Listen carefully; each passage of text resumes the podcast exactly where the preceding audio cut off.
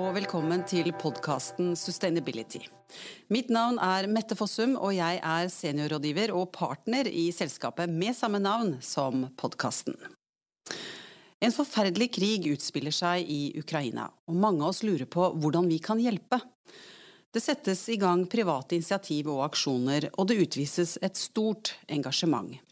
Men dette store engasjementet kan faktisk vise seg å stå i veien for selve nødhjelpen, som er tidskritisk. Så hva bør vi som enkeltmennesker og virksomheter gjøre?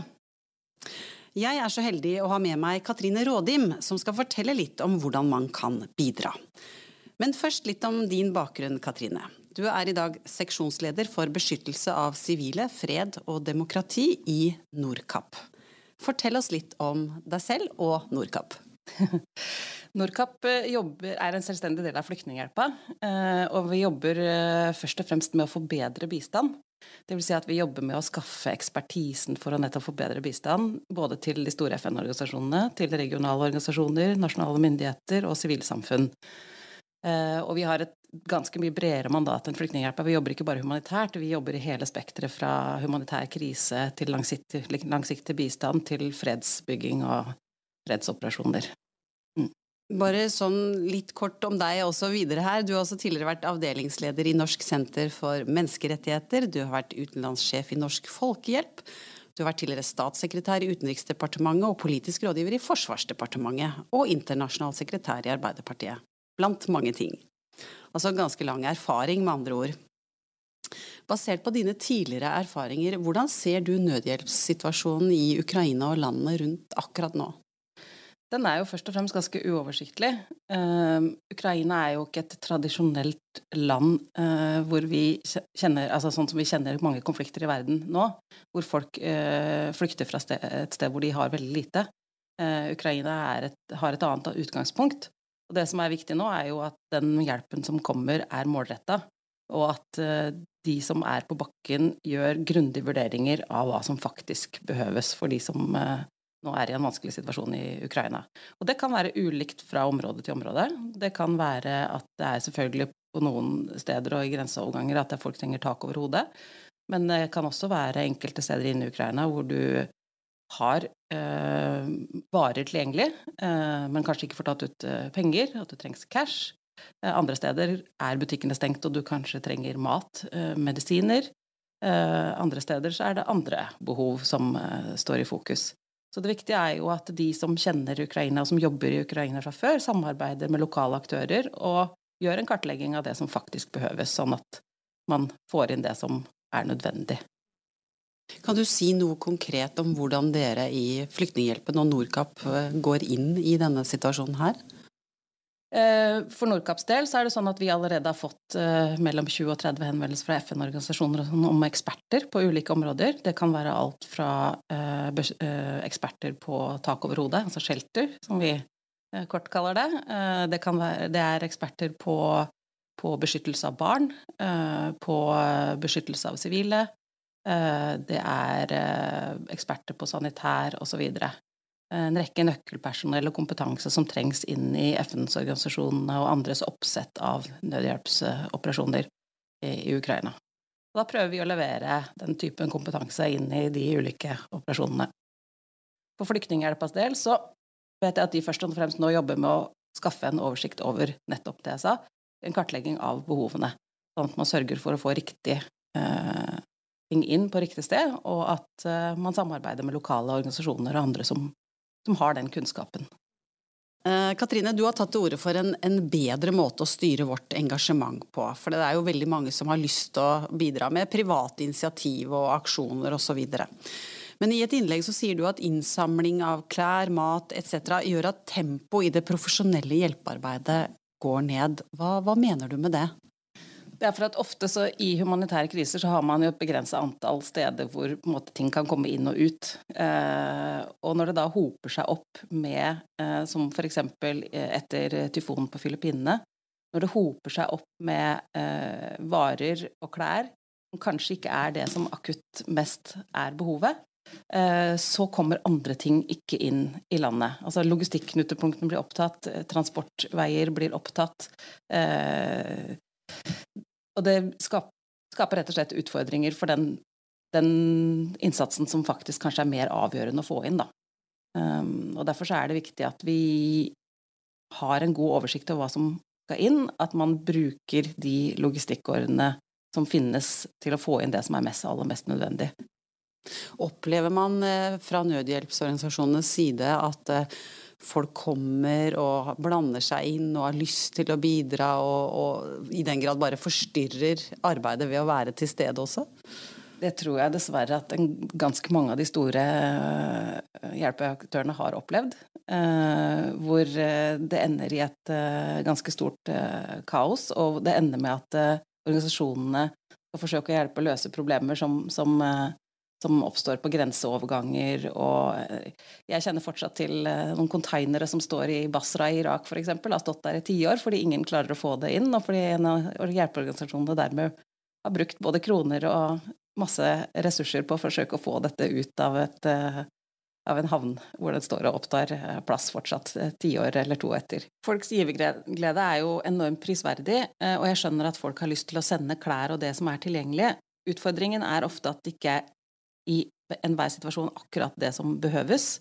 Eh, vi har dessverre sett litt for mange eksempler på at eh, klær ender som søppelberg på grenser, at mat er råtten eh, når den kommer fram, at det finnes lokale markeder som man burde kanskje brukt kontanter og fått kjøpt varer av de som fortsatt trenger en inntekt lokalt.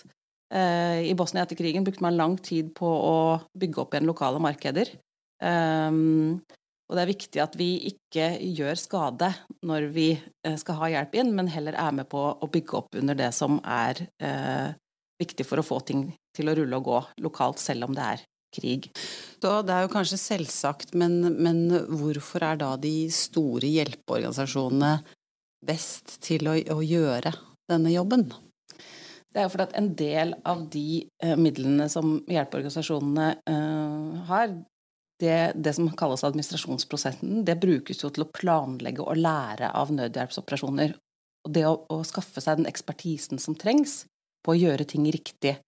Det som sitter i ryggmargen på, på nødhjelpsorganisasjoner, er jo det som vi kaller do no harm. Altså når du skal hjelpe noen, pass på at du ikke gjør noe gærent i samme åndedrag. Eh, og det sitter helt i ryggmargen, og det er noe de er trent opp i å gjøre. Og det gjør at man har en Eh, en, eh, en, planlagt holdning til selv i krise, eh, hvor du vet hvilke steg du skal gjøre. Du skal gjøre de kartleggingene av hva som trengs, du skal trene folk, du skal sørge for at du har forbindelsen til lokale partnere der hvor det fins, sånn at man ikke tråkker i beina på andre aktører, men faktisk utfyller hverandre. Og få inn de riktige tingene og den riktige hjelpa og den riktige ekspertisen. Og at også de store organisasjonene blir kontrollert på det man gjør. Om man har kontrollmekanismer eh, som eh, gjør at man oppdager det i stor grad dersom penger forsvinner på veien eller noe skulle skje. Det er jo ikke til stede i mange av de små initiativene. Ja, for det vi ser da nå som si, vanlige borgere og har lyst til å engasjere oss, så ser vi jo en rekke private initiativ og ting som skjer. Hvordan, hvordan kan man sjekke sjekke om dette er seriøse aktører i det hele tatt? For det første så tenker jeg det er viktig å si at det er fantastisk at det er så mye engasjement, eh, og at folk har lyst til å hjelpe. Eh, og mye er bra, og en del har direkte kontakter inn og klarer å få ting inn eh, osv. Men det er jo også sånn at, som jeg sa, i det store bildet så er det viktig å vite at det er riktig hjelp som gis, og at man ikke tråkker i beina på hverandre. Og at pengene kan spores og etterprøves. Og da er det sånn at uh, i Norge så er det et ganske sterkt kontrollregime rundt uh, giver uh, Altså rundt organisasjoner som driver med den type innsats. Og du kan sjekke f.eks. gjennom innsamlingskontrollen.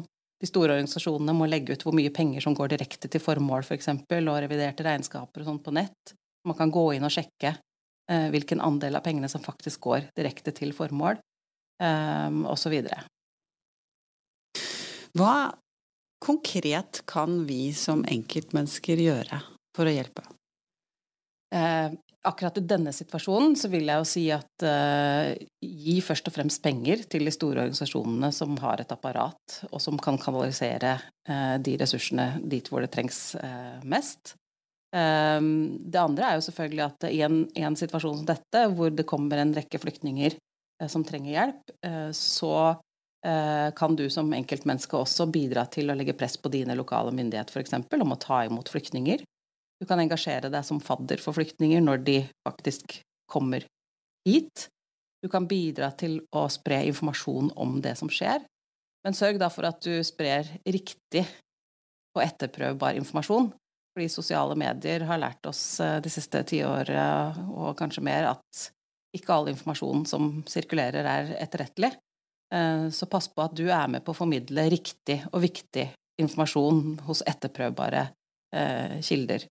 Sånn at folk faktisk er klar over hva som skjer, og at de også vet hvem de både, eh, hva de sprer av informasjon, og hva de, hva de, kan bidra med i en sånn situasjon.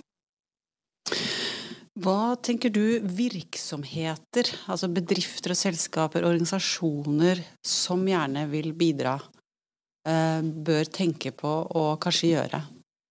Jeg tenker at det egentlig er mye av det samme som det du kan gjøre som privatperson. Det er ikke så veldig forskjellig. Eh, jeg vil oppfordre bedrifter også til å først og fremst eh, støtte de store uh, organisasjonene som har, som har et, en hjelp på bakken. De kan som sagt gjøre mye av det samme.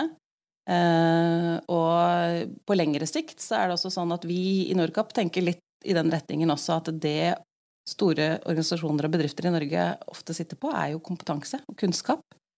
Så hvis man på lengre sikt også er villig til å donere noe av den kunnskapen, eh, så kan det også være en løsning. Men det er litt mer på lengre sikt og litt mindre akutt eh, akuttfase. Men hva tenker du på å donere kunnskap? Da tenker jeg på at uh, i store bistandsorganisasjoner og FN-systemet og andre som jobber med nødhjelp og, bistand, så er det behov for alt fra dataekspertise, oppbygging av statistikk og databaser, kommunikasjon. Uh, det er en rekke sånn nøkkelkunnskap som ikke alltid er lett å, å skaffe, og som er ofte dyr å skaffe. Um, og for at uh, bistand også skal være langt framme på de områdene, så kan det hende at eh, bedrifter kan være behjelpelige med å, å, ha nøkkelkompetanse som de kan kanskje gi bort en stund. Virksomheter og enkeltpersoner også, for den saks skyld, står jo i en, i en litt sånn utfordring nå. fordi at det politiske engasjementet rundt denne krigen også er ganske sterkt. Også det med å fordømme Russland og og da gi støtte til Ukraina. Og så er det jo mange norske selskaper som har ansatte i, i begge de to aktuelle landene. Eh, hvordan bør man stille seg som virksomhet ved å ta noen politiske tydelige standpunkt i denne konflikten? Eh, jeg tenker at det eh, er viktig å ta vare på menneskene, først og fremst. Enten de er russere eller ukrainere. Uh, og at det ikke er noen motsetning nødvendigvis mellom det og at samtidig ta et tydelig standpunkt for hva som er rett og galt. Uh, fordi i konflikter som dette så er det jo ganske åpenbart at det er en part som har angrepet en annen, og at det er et rett og et galt. Og da er det lov å si det, men samtidig hele tiden ha fokus på at vi skal alltid ivareta enkeltpersonene som ikke kan klandres for hva sine myndigheter uh, måtte gjøre. Enten det er på den ene eller den andre siden. Tusen takk til deg, Katrine.